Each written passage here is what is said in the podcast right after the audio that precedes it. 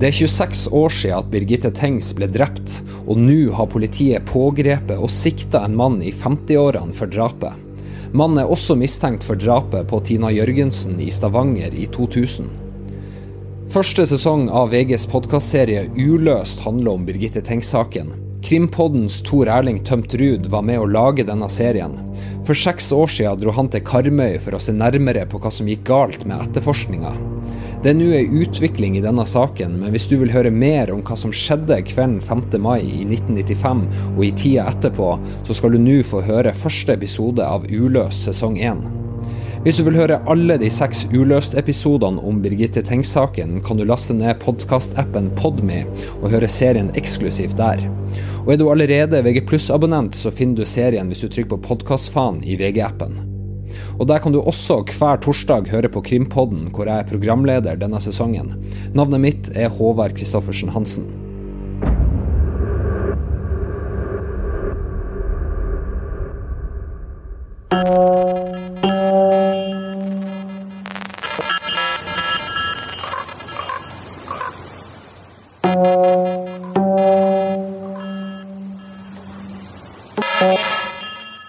Birgitte Tengs er jenta på konfirmasjonsbildet. Blondt, bølgete hår og blå rogalandsbunad med broderier. Det er det bildet vi husker, fordi det er brukt hver eneste gang avisene skriver om denne saken, og det blir vist på TV. Og så husker vi kanskje fetteren. I år er det 20 år siden Birgitte ble drept.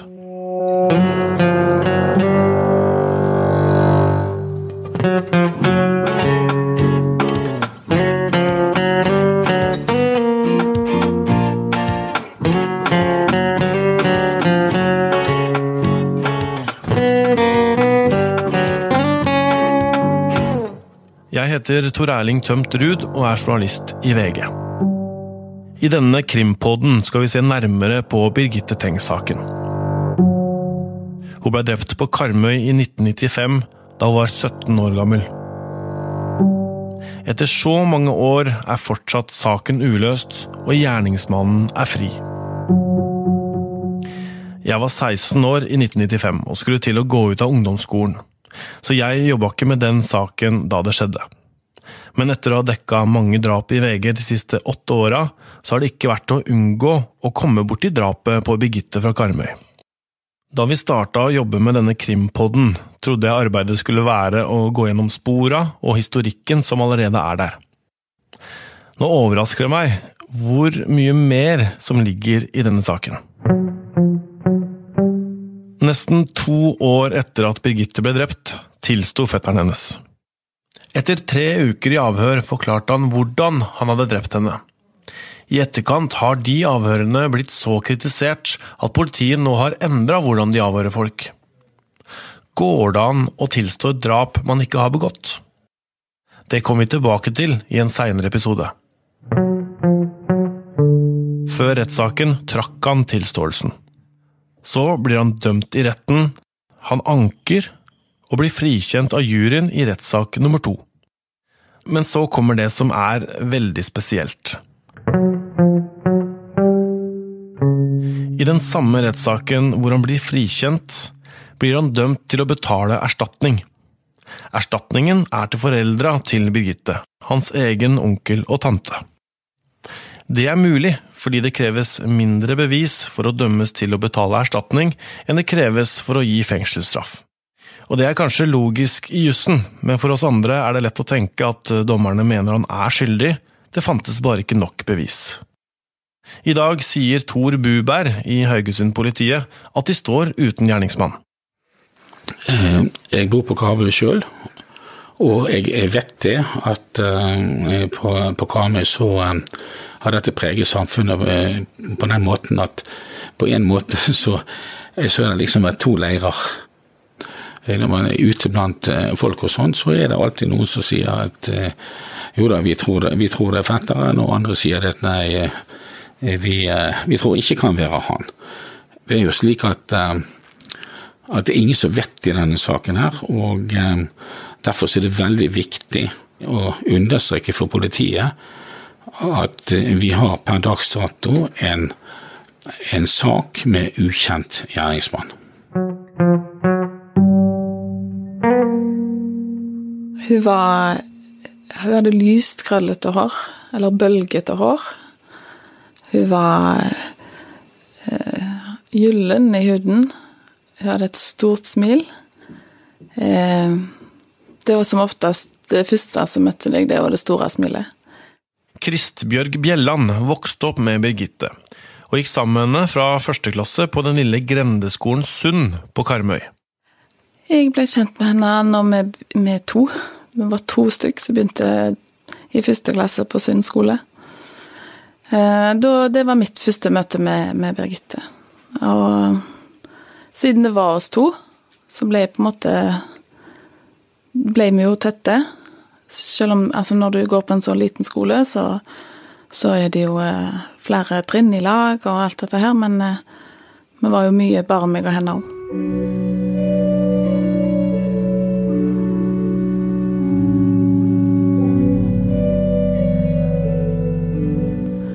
Hun var alltid interessert i musikk. Eh, Jeg kan ikke huske hvor gammel hun var når hun begynte å, å spille orgel. Men jeg husker jo når hun begynte, når hun begynte å øve i Hun øvde i Kopervik kirke, blant annet. Og da eh, Da fikk vi være med.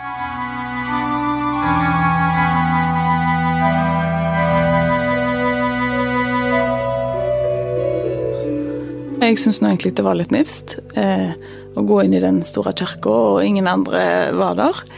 Eh, men for, det, hun var på en måte Jeg tror ikke hun tenkte på at det det kunne være nifst, for å si det sånn, eller det kunne være ekkelt, for hun var på en måte oppslukt i, i musikken, i orgelet, i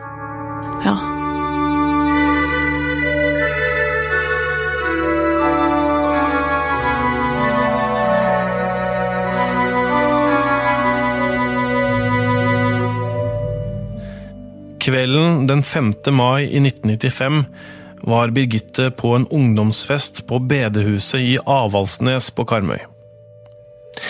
Det vi veit om de siste timene hennes, er dette. I ellevetida vil hun dra hjem fra festen. Bussen har akkurat gått. En halvtime seinere får hun haik med tre jenter i en boble inn til Koppevik sentrum. Birgitte og foreldra bor langs Sundveien, ca. 4,5 km utafor det lille tettstedet Koppevik. Jentene i bobla tilbyr seg å kjøre Birgitte helt hjem, men hun vil se om hun treffer noen kjente i sentrum først. Rundt midnatt sier hun ha det til de tre jentene. Flere venner og kjente sier de så Birgitte og snakka med henne i gågata i Koppevik. Åtte minutter over midnatt mener to vitner uavhengig av hverandre at de ser henne lene seg inn i en grønn bil utafor en pub i enden av gågata. Under en time seinere blir hun drept. Politiet mener det er rundt klokka ett. Hun blir funnet bare noen hundre meter hjemmefra, fire kilometer unna gågata der hun sist ble sett. På denne snaue timen har hun møtt drapsmannen sin. Hvordan kom hun seg fra sentrum, egentlig? Og hvordan møttes de?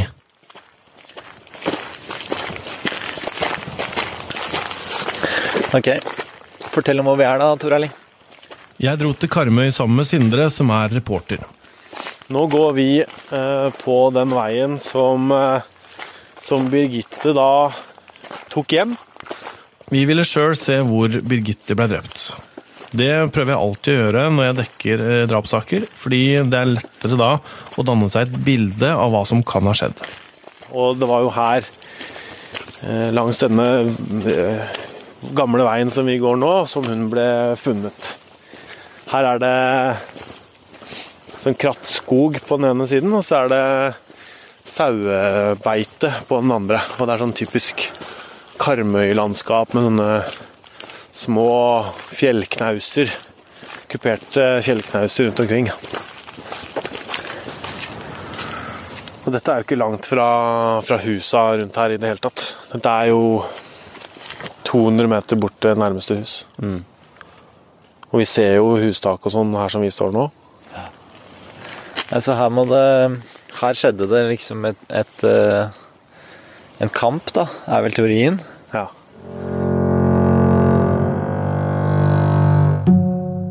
Birgitte Tengs blir overfalt på denne grusveien, og så enten kvært til døde eller til hun mister bevisstheten. Hun blir slept i grusen ned fra bakketoppen, nedover langs veien, gjennom en grind og bak noen bjørketrær. Hun blir etterlatt bak noen busker og steiner, med strømpebuksa på anklene og skjørtet trekket opp. I hendene har hun flere lange, blonde hårstrå. Hvem sine hårstrå var det? Politiet mente at hodet hennes ble knust av en 23 kilo tung stein.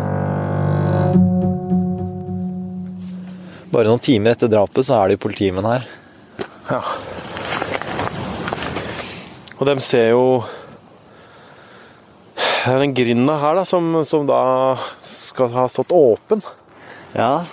Og så er det blodspor på bakken. Ja. Og så går de ut, men så har de ikke bra nok lommelykter. Man ser ingenting og kjører videre.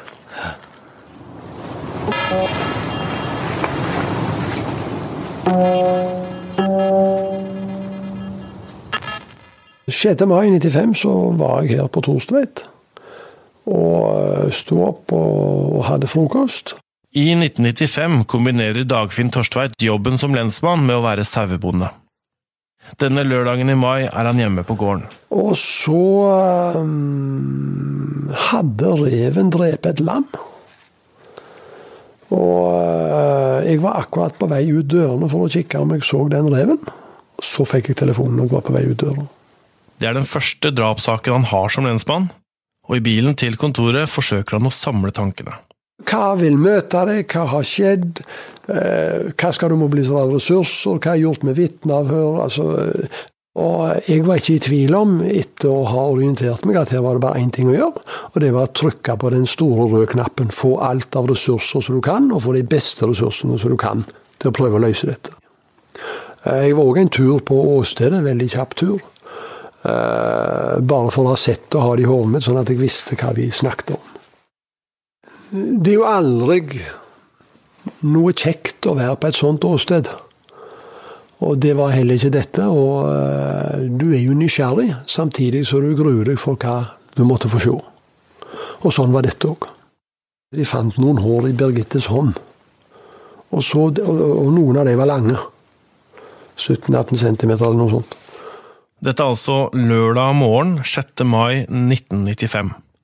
Birgitte er funnet, og nyheten sprer seg i bygda. Birgittes venninne Kristbjørg husker fortsatt de første timene. Jeg husker at en nabo kom eh, på sykkel, litt sånn stressa, og kom til foreldrene mine og så fortalte at det var funnet, funnet en eh, person på Gamle Sundsveien, og de visste ikke hvem dette var. og og vi fikk vel egentlig fort vite at det var på en måte noe kriminelt bak. Jeg husker at jeg var, jeg var veldig sånn eh, det, ble litt, det var sånn utrygge følelser, for du visste jo at eh, guri malla, er det noen som går og lusker rundt dørene her? Du ble, veld, du ble veldig Jeg husker jeg ble sånn eh, litt redde. Og, og vi visste jo ikke hvem det var. Men jeg husker at jeg tenkte på henne. For jeg visste jo at hun eh, hun, hun, pleide å gå der og sykle, sykle den veien. Eh, om vi var alene, eller om vi var med andre. Så jeg husker at jeg tenkte på henne. Det her er før alle har mobiltelefon. Faren til Birgitte er ikke hjemme, for han jobber på sjøen. Mora har registrert at Birgitte ikke var i senga si på morgenen, men har regna med at hun har sovet over hos ei venninne. Når politiet banker på døra hjemme hos dem, er ikke mora hjemme.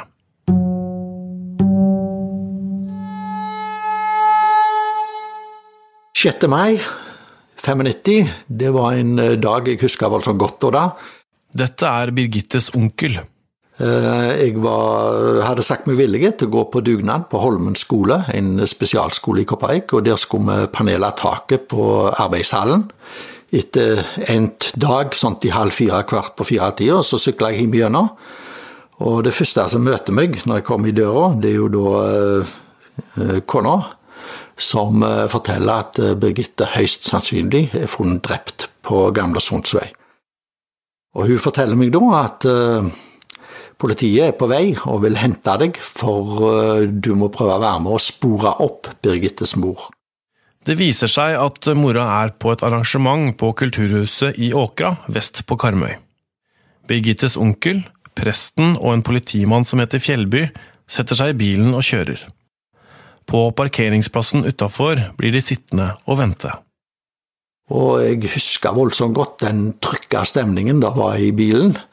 Eh, her sitter en og skal vente en time på at mora kommer ut, og vi skal fortelle denne, dette som har skjedd med dattera. Og det er jo klart det var en ekstremt stor spenning i den bilen. Og jeg husker bl.a. at presten kom inn på lønnsforholdet for prester. Det var jo ganske absurd egentlig at en kunne sitte der og diskutere lønnsforhold for prester, som da angivelig skulle ha vært voldsomt dårlig. Men eh, det var nok et utslag av at det var nerver, og noe måtte en snakke om for at ikke situasjonen skulle bli fullstendig uholdbar. Eh, etter ca. en time så kom eh, Birgittes mor og bestemor ut fra dette arrangementet. Og vi la oss på hjul, litt diskré. Og når vi kom fram til Birgittes bestemor, så gikk Fjellby ut og forklarte hva som hadde skjedd. Jeg husker at uh, Birgittes mor ikke tok dette inn over seg. Hun, hun, hun, hun, skjønte ikke hva som hadde skjedd, før det gikk um, ja, jeg vil tro det gikk 20-30 sekunder. Da gikk det opp for henne hva politimannen prøvde å fortelle henne. På lensmannskontoret har Dagfinn Torstveit fått inn flere folk. Kripos har kommet til Karmøy. Vi hadde veldig få tekniske spor, for å si det sånn. Det er jo ikke til å legge skjul på det. Vi la jo dette veldig bredt opp. Vi, vi avhørte jo drøssevis med vitner.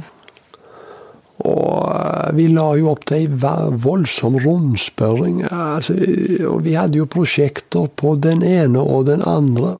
Det tar bare noen dager før politiet begynner å mistenke Birgittes fetter. Det er altså sønnen til han onkelen som vi hørte i stad. Fetteren blir veldig sentral i denne saken. Jeg har sjøl snakka med han flere ganger, og etter å ha tenkt seg om grundig, så har han takka nei til å være med i denne serien. Faren hans vil derfor ikke at vi bruker navnet deres. Nei, Vi ble henta inn tidlig, og jeg tror faktisk at jeg var inne til avhør. Både jeg og min sønn var inne til avhør allerede første uka. Avhørsrommet var et vanlig kontor, der eh, avhører sitter på ene sida av pulten, og jeg sitter på den andre sida. Og eh, jeg oppdaga tidlig hva de var på jakt etter. De var ikke, det var ikke meg de var interessert i, det var min sønn.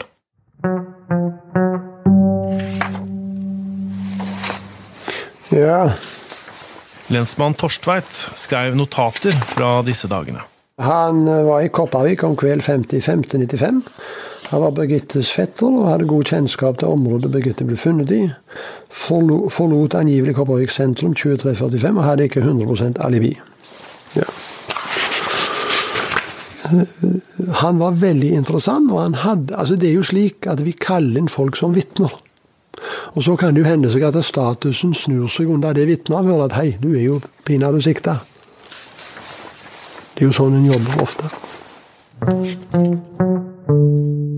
Faren til fetteren blir kalt inn til avhør, og han må forklare når han mente sønnen kom hjem den natta. Kona var gravid i den tida. Normalt så sitter vi lenge oppe på fredagene og lørdagene, men denne kvelden så begynte hun å bli litt trøtt, så hun gikk og la seg, vil tippe, i halv tolv-tida. Men jeg syns jo det var litt tidlig å gå og legge seg halv tolv på en fredagskveld. Det er jo liksom den kvelden du ser fram til helga og du koser deg og greier. Så jeg eh, satt meg foran før fjernsynet og registrerte at det var lite og ingenting å se på. Resultatet var at jeg slo opp på tekst-TV, Og på TV 2 så var det ei side på Jeg husk, mener å huske at det hadde sidetall 528. Det var jakt, fiske og friluftsliv. Salgsannonser. Og ble det meg gjennom alle de for å se om det var våpen til salgs. Og etter å ha kikket gjennom det lille det var å kikke gjennom, så gikk jeg og la meg jeg òg, sannsynligvis kvart på ti på tolv. Vi har jo hatt en klar regel i huset om at så lenge ungene er under 18 år, så skal de tas imot. Vi skal ikke la de gå og legge seg uten at vi har snakket med dem og tatt imot dem. Jeg eh, la meg ikke til å sove, men jeg la meg i senga for å vente.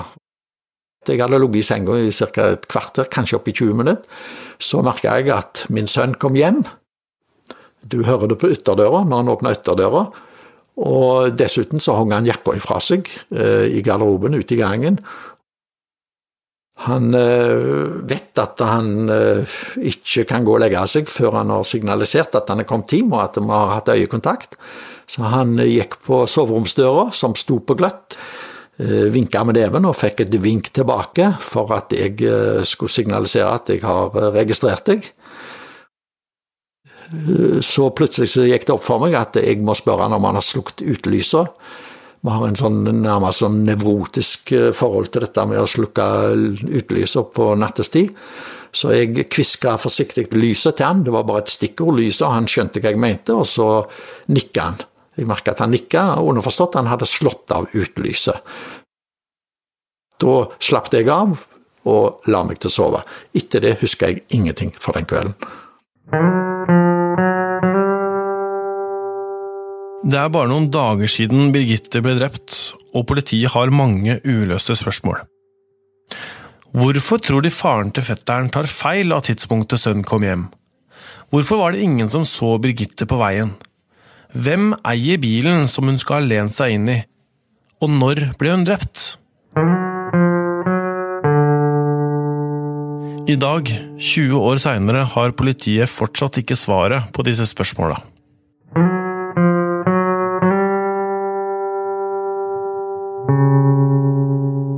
Politiadvokat Tor Buberg i Haugesund-politiet har ansvaret for Birgitte-saken. Det er eh, sånn at eh, det går en gjerningsmann der ute. Eh, en eller flere vet om hva som skjer der ute på, på Sundveien på Karmøy. Og jeg vil oppfordre den personen til å melde seg. For sin egen del for uh, familien sin del og for hele samfunnet der ute, som uh, krever svar på hva som skjedde med Birgitte Tengs.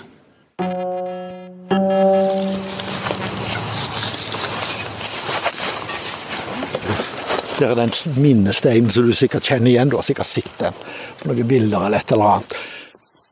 Faren til fetteren står på grusveien der Birgitte ble funnet. Inni krattet står det en minnestein med navnet hennes på. Hun lå akkurat nedi der. Der lå hun. Foran minnesteinen står det en liten grå tøybamse. Se, se måsen, hvordan det vokser. Den tror jeg har stått der i 20 år, den bamsen der. Så den har fått lov til å få være i fred. Hvordan er det for deg å være her, da? Nei, jeg går jo tur omtrent hver dag rett forbi her.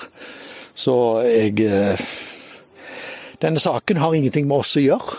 Annet enn at vi fikk et ubegrunna drapsstempel som vi sliter med fortsatt. Eh, klart det at hadde vi stått bak denne handlingen, så hadde ikke jeg stått her.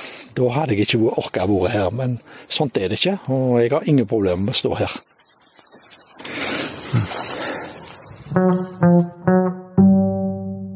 I huset noen hundre meter bortenfor sitter faren til Birgitte. Torger Tengs. Han får ikke fred før datterens drapsmann er dømt. Det, altså, det er jo viktig å, å, å få klarhet i hva som har skjedd. Det, det syns jo vi at vi har fått. det. Men òg å få dømt og få rettferdighet. Det er jo det det går i. Birgittes far har fått nytt håp.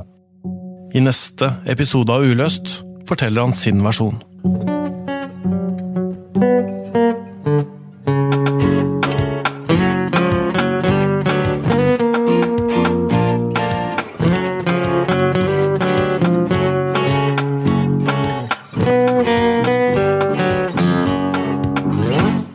Uløst er laget av Tor Erling Tømtrud, Sindre Leganger, Kristine Hellesland og Katinka Rondan. Musikk og lyddesign ved Hans Kristen Hyrve. Produsert i samarbeid med Rubicon.